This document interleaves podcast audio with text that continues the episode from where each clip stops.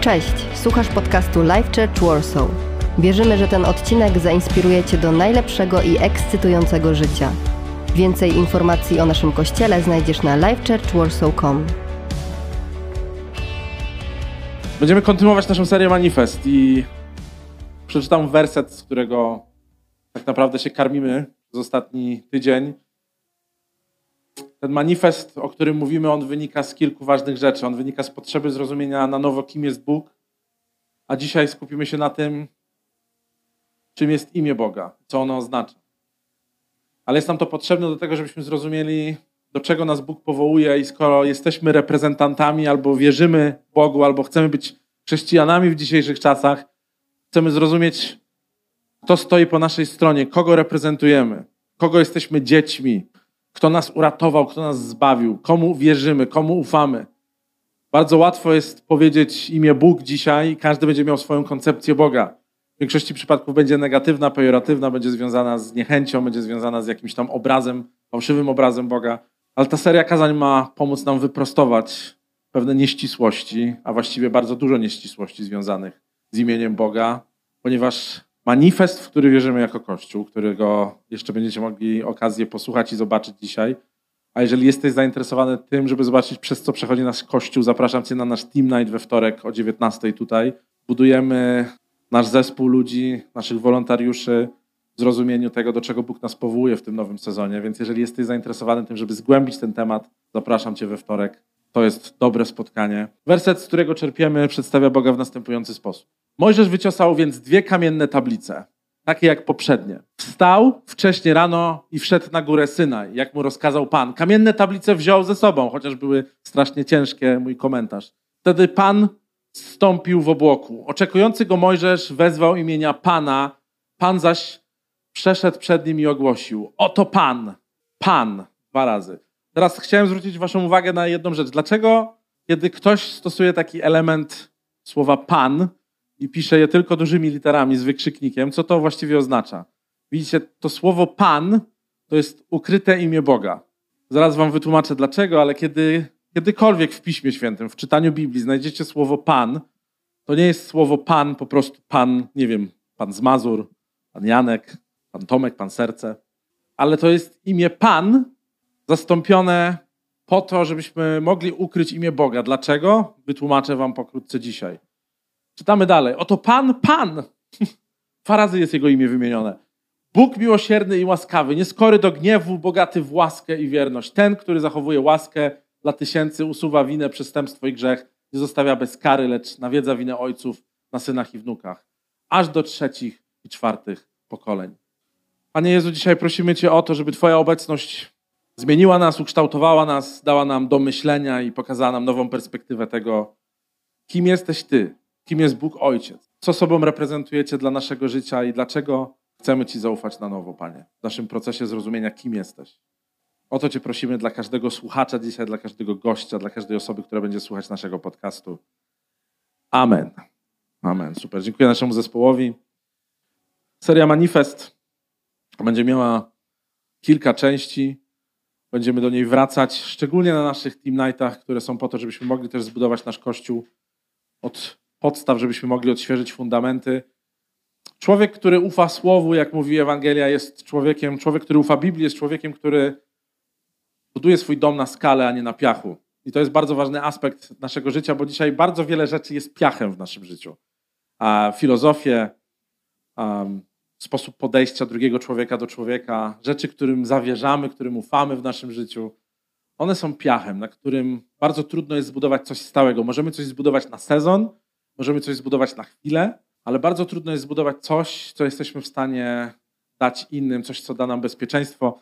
I dzisiaj chciałem wrócić do bardzo ważnej rzeczy, do tego, kim jest Bóg i co sobą reprezentuje. Dlatego, że mówiąc o tym, na czym budujemy nasze życie, jaki jest manifest, a tak nazwaliśmy tą serię, dlatego że chcemy zamanifestować na nowo rzeczy, które są ważne, nie moglibyśmy zacząć tego inaczej, jak od faktu, że chcemy zamanifestować, kim jest Bóg, bo skoro wszystko inne wypływa z Boga, wszystko inne zbudowane jest na Bogu, musimy wiedzieć, kim jest ten Bóg. Więc, kochani, surprise, surprise, jak mówią nasi przyjaciele z za wielkiej wody, Bóg ma imię. I żeby wyjaśnić A to imię, to imię to nie jest Bóg. Hej, jestem Bóg, cześć, Maciek. Hej. Bóg nigdy się nie przedstawiał jako Bóg. Określamy Boga jako mianem bytu, jako mianem kogoś, kto jest wszechmocny, kto jest wszędzie, kto jest często dla wielu ludzi w ich głowach tylko nieosiągalny. Ale imię Boga to Jahwe. Najprościej upraszczając, historycy Kościoła, historycy żydowscy, ci, którzy studiowali pięcioksiąg i którzy przestudiowali całe pismo, jeżeli możemy zrozumieć imię Boga, to możemy zrozumieć je jako imię Jahwe. Nie Jehowa, nie Jahahucha, bardzo zabawne po polsku. Jakby mi ktoś powiedział, że jestem z kościoła Jahahucha, bym tak miał, okej. Okay. Imię Boga, najprościej powiedziane, to imię Jahwe i ono niesie ze sobą pewien ładunek i przekaz, który jest potężny i dzisiaj go sobie troszeczkę rozłożymy na czynniki pierwsze. Um, imię Boga może brzmieć trochę nieistotnie dla nas, jakby to była tylko semantyka, ale zaufaj mi, nie jest to semantyka. To jest bardzo ważny fakt, że Bóg ma imię. To jest tak ważny fakt, ten fakt jest o wiele ważniejszy, niż większość z nas zdaje sobie z tego sprawę. Um, mogę nawet radykalnie stwierdzić, moi drodzy, że to, że będziesz wiedział, jakie jest imię Boga i zrozumiesz, dlaczego takie jest, zmieni Twoją perspektywę i sposób, w jaki się do Boga odnosisz. W zeszłym tygodniu zrozumieliśmy, kim jest Bóg. Zaczęliśmy czytać sobie ten fragment, w którym Bóg się przedstawia, i Bóg zaczyna od słów: Jestem miłosierny i łaskawy. Jestem Bogiem nieskorym do gniewu, co jest w ogóle ideą charakteru Boga. Jeżeli myślimy sobie dzisiaj o Bogu, myślimy sobie często o Bogu nieobecnym, o Bogu, który się gniewa, o Bogu, który ma nas w nosie. Co jest bardzo ciekawe, też przejdziemy sobie do tego za którymś razem. E, fragment, który mówi, że Bóg jest nieskory do gniewu, po hebrajsku oznacza, że Bóg ma bardzo wielkie nozdrza. A wielkie nozdrza w języku hebrajskim e, kojarzyły się w tamtej kulturze z jedną bardzo ważną rzeczą. Czujesz, jak jesteś wściekły i tracisz cierpliwość, robisz okay, kiedy Bóg mówi, że jest nieskory do gniewu, dla Żydów i dla Hebrajczyków i dla ludzi, którzy wierzyli w Boga Biblii, którego przedstawił im Bóg, dlatego że się z nim spotkał i pierwszy raz Bóg przedstawił się jemu i całemu ludowi, kiedy określali słowem wielkie nozdrza, mówili długie nozdrza, właściwie nieskończone nozdrza. Okay? Kiedy my ludzie robimy i pękamy, na przykład idzie wiązanka, to Bóg robi nieskończoność. Bóg jest nieskory do gniewu. To było bardzo ważne. I jak mówimy dzisiaj, jak ktoś jest nieskory do gniewu, to nie mamy tej percepcji Bożej anatomii, że kiedy Bóg mówi, ja mam bardzo długie nozdrze, więc jak mnie wkurzysz moje dziecko, to ja zrobię czekam. Czekam, aż się zmienisz, czekam, aż przeprosisz, czekam, aż poukładasz rzeczy, czekam, aż poznasz, kim jestem. Jestem Bogiem cierpliwym, jestem nieskory do gniewu, jestem Bogiem miłosiernym i łaskawym. Percepcja naszego Boga nie może zaczynać się od tego, Bóg się na mnie gniewa, bo zrobiłem źle. Percepcja i zrozumienie, kim jest Bóg, musi się zacząć. Bóg jest nieskończenie cierpliwym Ojcem, miłosiernym i łaskawym w stosunku do mojego życia. Jest sprawiedliwy, ale jest nieskończenie miłosierny, łaskawy i cierpliwy. To jest percepcja, z którą powinniśmy się budzić od poniedziałku do niedzieli. To jest percepcja zrozumienie tego, jeżeli mam wierzyć Boga, jeżeli jest percepcja chrześcijaństwa w dzisiejszych czasach i jak ktoś ci się zapyta, ok, to w jakiego Boga wierzysz, to możesz zacząć od tych trzech słów.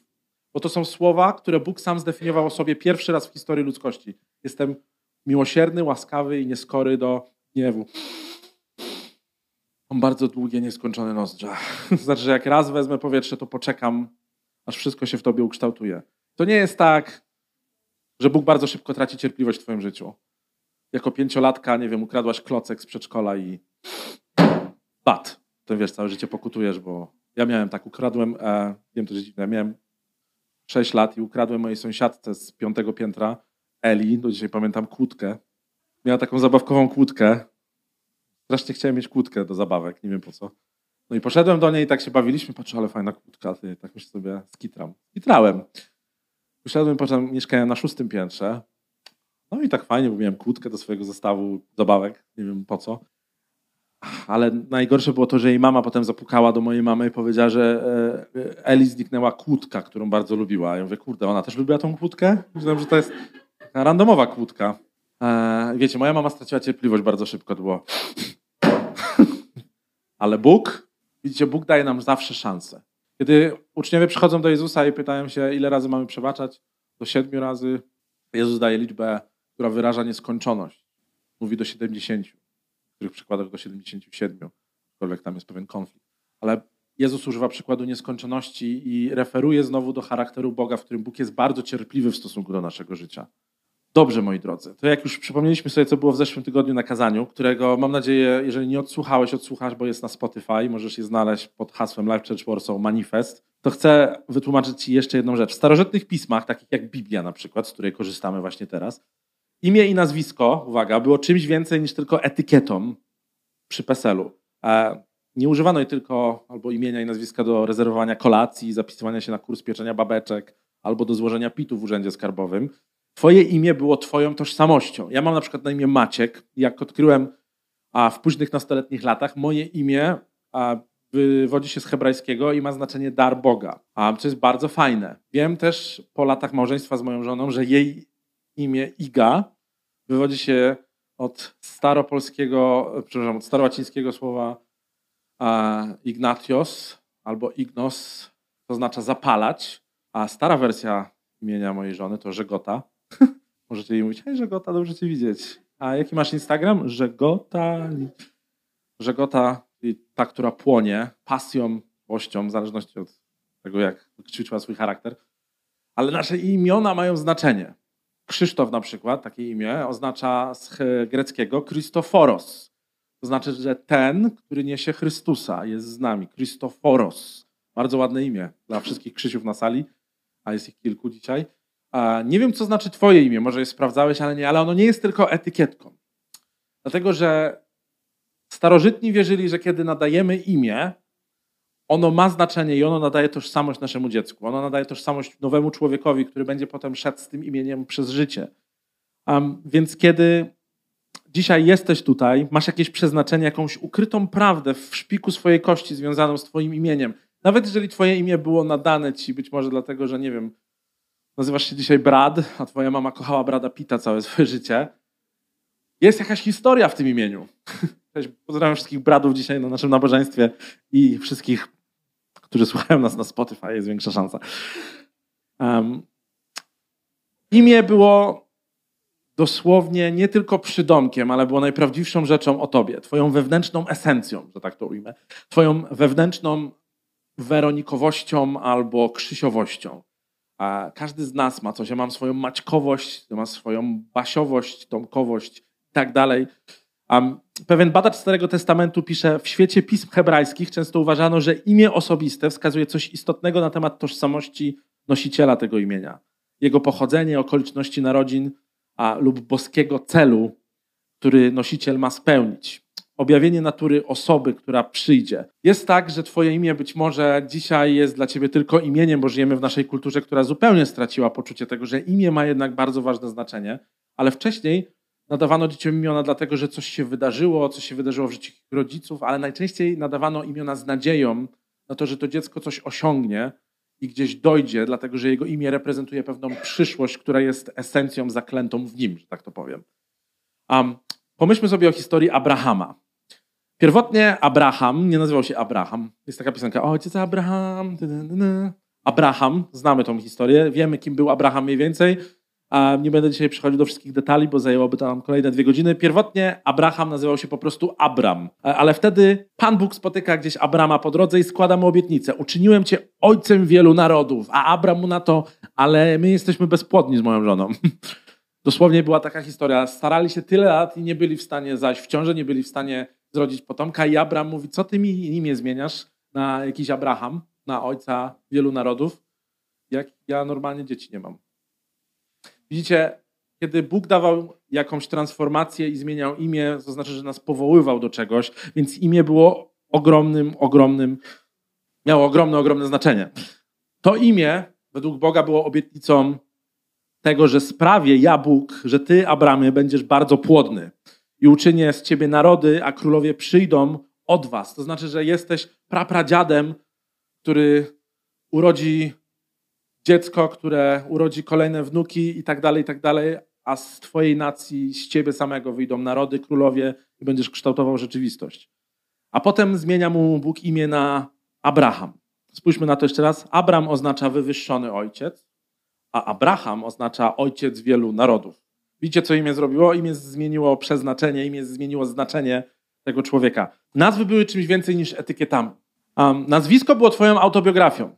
Jednym słowem, które trzymało całą autobiografię. Jakbyś dzisiaj mógł zaprezentować swoje CV życia, to nie musiałeś tego robić, kiedy miałeś imię.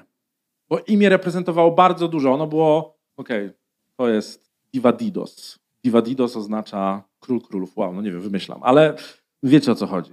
Um, nazwiska były autobiografią, więc kiedy, uwaga, teraz przechodzimy płynnie do Mojżesza, który jest w tej kwestii z płytami tutaj dwiema, dwie tablice kamienne.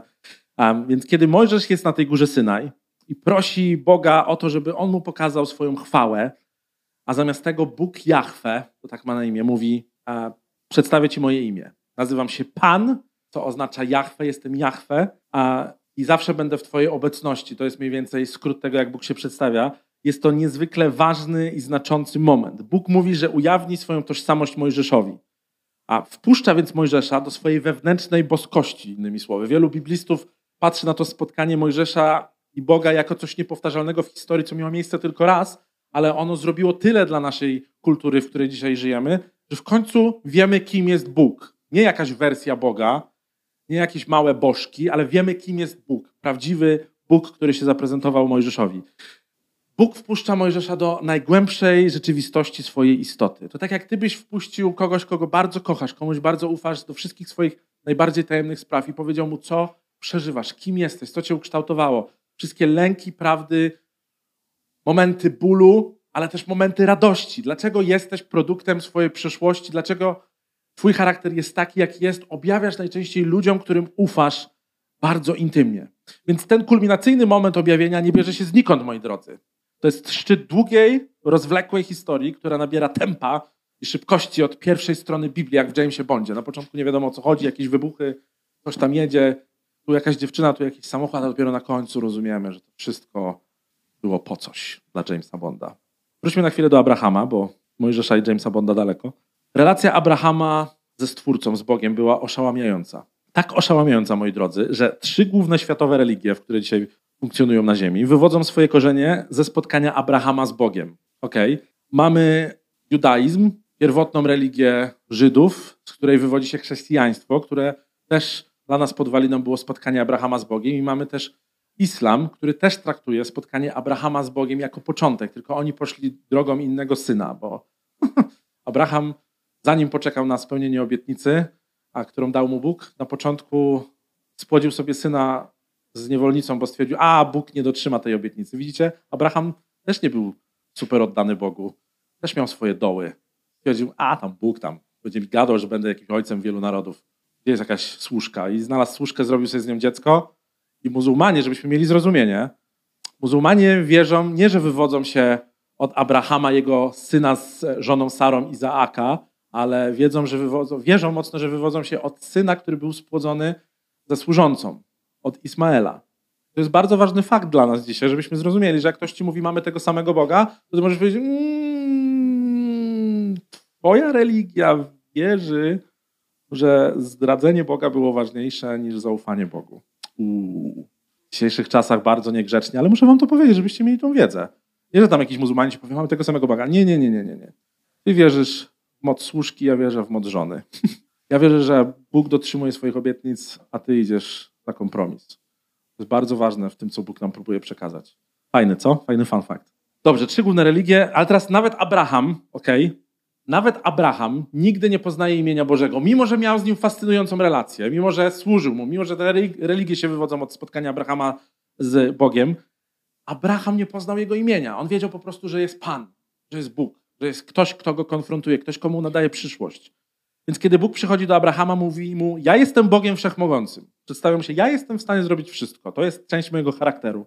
W oryginalnym języku słyszymy i czytamy: Bóg się przedstawia: Ja jestem El Shaddai. Okay? El Shaddai, dwa słowa. Ja jestem Bogiem wszechmogącym. El to było takie starohebrajskie, kananejskie słowo z tamtego regionu, oznaczające króla bogów. Jak jesteś El, to jesteś guru wszystkich bogów i bożków. W sensie, że są jakieś demony, jakieś bóstwa, jakieś mikroreligie, a jak jesteś El, to rządzisz tymi wszystkimi bogami, jesteś ponad nimi. Jakby wprowadzasz porządek w ich kategorię funkcjonowania. Stwórca nazywa siebie El Shaddai, co jest z powiedzeniem, innymi słowy, ja jestem El i jestem o wiele więcej. ja jestem El Shaddai, ja jestem Bóg, który rządzi wszystkim i jestem o wiele więcej. Jestem wszech mogący w Twoim życiu. Potrzebujesz dzisiaj wszechmogącego Boga, bo to jest pytanie, na które musimy zwrócić uwagę. Czy potrzebujesz dzisiaj Boga, który jest wszechmogący w wielu dziedzinach Twojego życia? W Twojej rodzinie, w Twoich finansach, na temat Twojej kariery zawodowej? Czy potrzebujesz modlić się o to, czy masz zostać w Warszawie ze względu na pracę? El Shaddai jest w stanie narysować Twoją przyszłość i dać Ci odpowiedź, bo jest Bogiem wszechmogącym. W innych miejscach Bóg nazywa siebie El Elion, Bóg najwyższy, albo El Olam, to jest ładne, Bóg waleczny.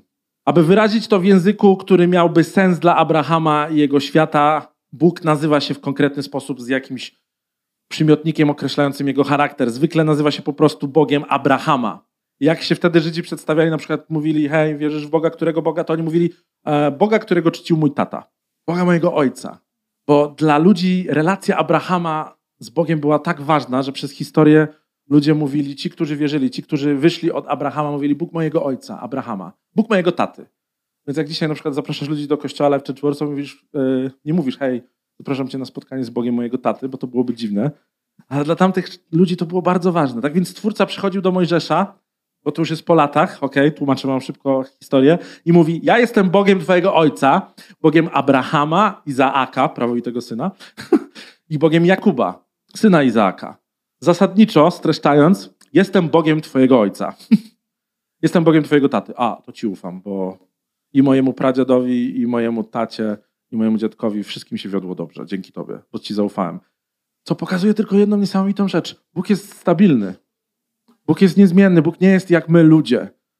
Bóg nie jest jak filozofie, które przychodzą i zawodzą. Nie jest jak mody. Nie jest jak polityka. Nie jest jak otaczający nas świat. Nie jest jak systemy myślenia, w które wpadamy. Bóg jest niezmienny od zarania dziejów.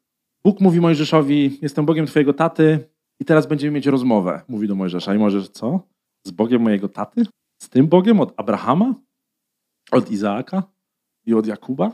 Bóg mówi Mojżeszowi, że widzi niesprawiedliwość, że widzi ucisk jego ludu, który jest zamknięty w Egipcie. To jest ta historia, kiedy cały naród izraelski był niewolnikami i pracował dla nacji egipskiej. I Mojżesz był tym, który miał wyzwolić ten naród, więc Bóg spotyka Mojżesza i mówi Mojżeszowi: Jestem gotów coś z tym zrobić w swoim życiu. Chcę, żebyś wyprowadził nasz lud z niewoli, mój lud z niewoli. Na co Mojżesz zasadniczo odpowiada: Czekaj, co? Ale potem, jak Bóg namówił Mojżesza do tego, co trwa chwilę, czytamy to w drugiej księdze Mojżeszowej, bo Bóg może być całkiem przekonywujący, słuchajcie. Jak Bóg zaczyna mówić do Twojego życia, to jest w stanie Cię przekonać o najciekawszych rzeczach.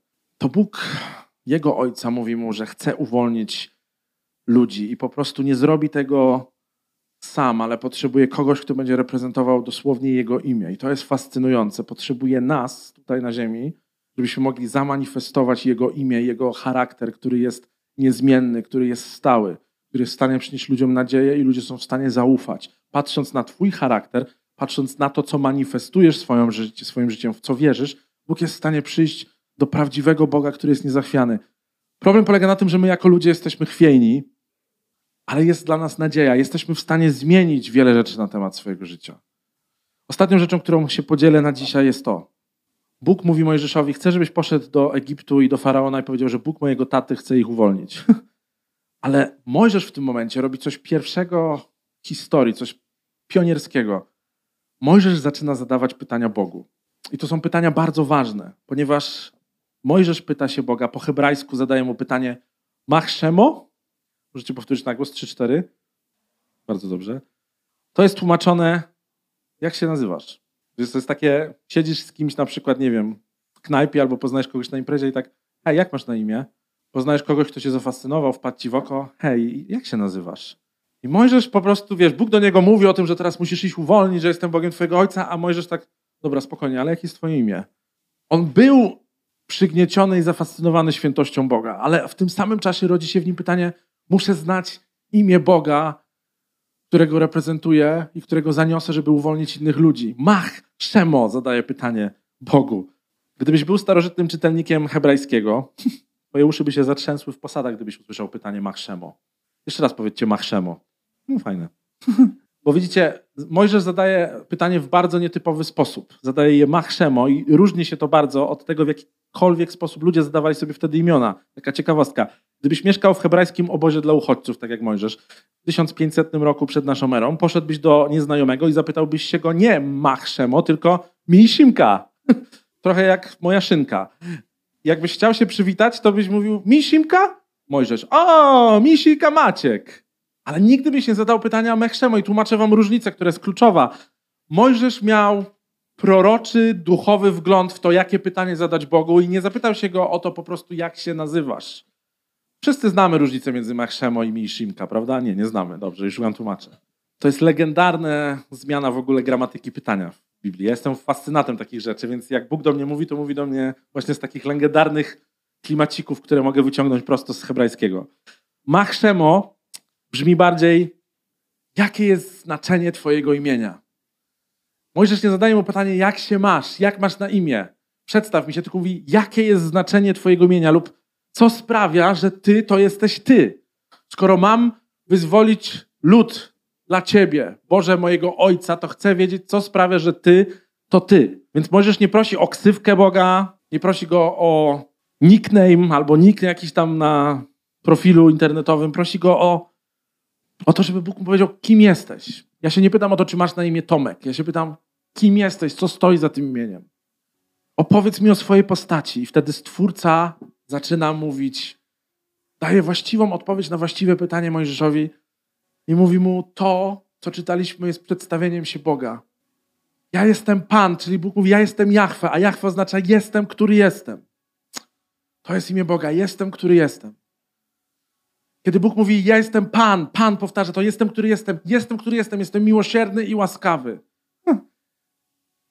Mam nieskończenie długie nozdrze, jestem nieskończenie cierpliwy w stosunku do Twojego życia. Chcę, żebyś zaczął swoją przygodę i zrozumienie to, kim jest Bóg, od tego, że musisz wiedzieć, jaki jest fundament Jego charakteru.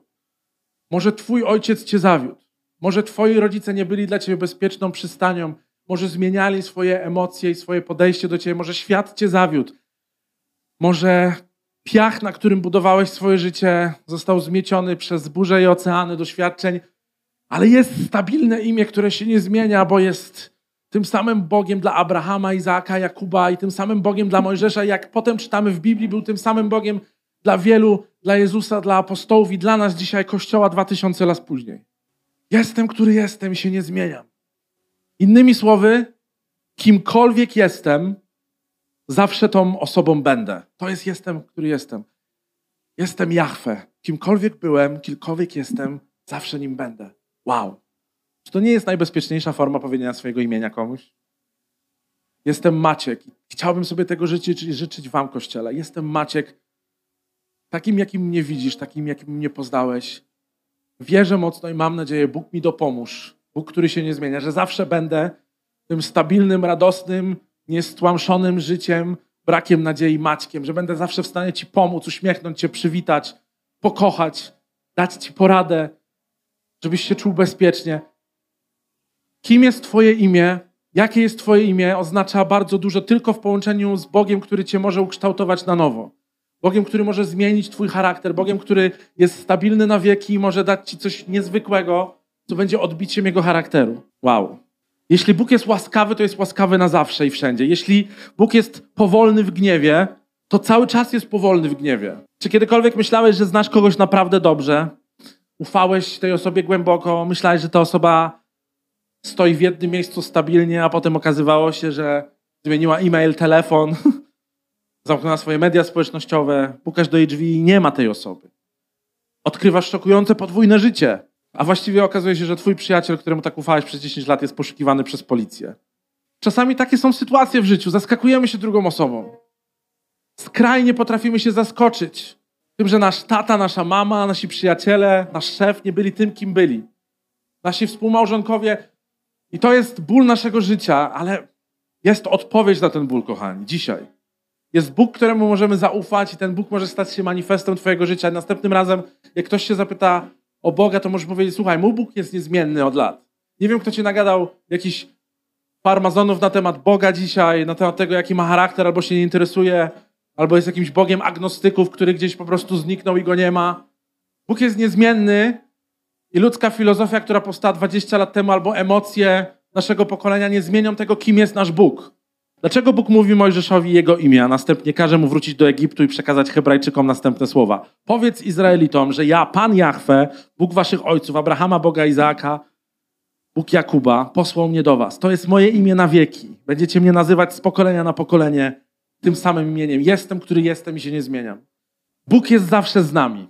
W czasach, w których ludzie, systemy i filozofie nas zawodzą, Bóg nas nie zostawi. Mało tego, moi drodzy, Bóg nas nie zostawi ani na chwilę. Żebyśmy wstali, będziemy śpiewać piosenkę ani na moment. Jest dobry w Twoim bólu, w Twoich perypetiach, w Twoich problemach. Ani na chwilę mnie nie opuszczasz. Ani na chwilę mnie nie opuszczasz. To jest wyzwanie, to jest nasza modlitwa. Bóg, który jest dobry, ani na chwilę Cię nie opuści. Śpiewajmy razem, niech to będzie Twoja potężna modlitwa. Mamy nadzieję, że ten odcinek Cię zainspirował. Nowe odcinki ukazują się co tydzień. Pamiętaj, że możesz odwiedzić nas w każdą niedzielę, a więcej informacji o naszym kościele znajdziesz na livechurchwarsaw.com.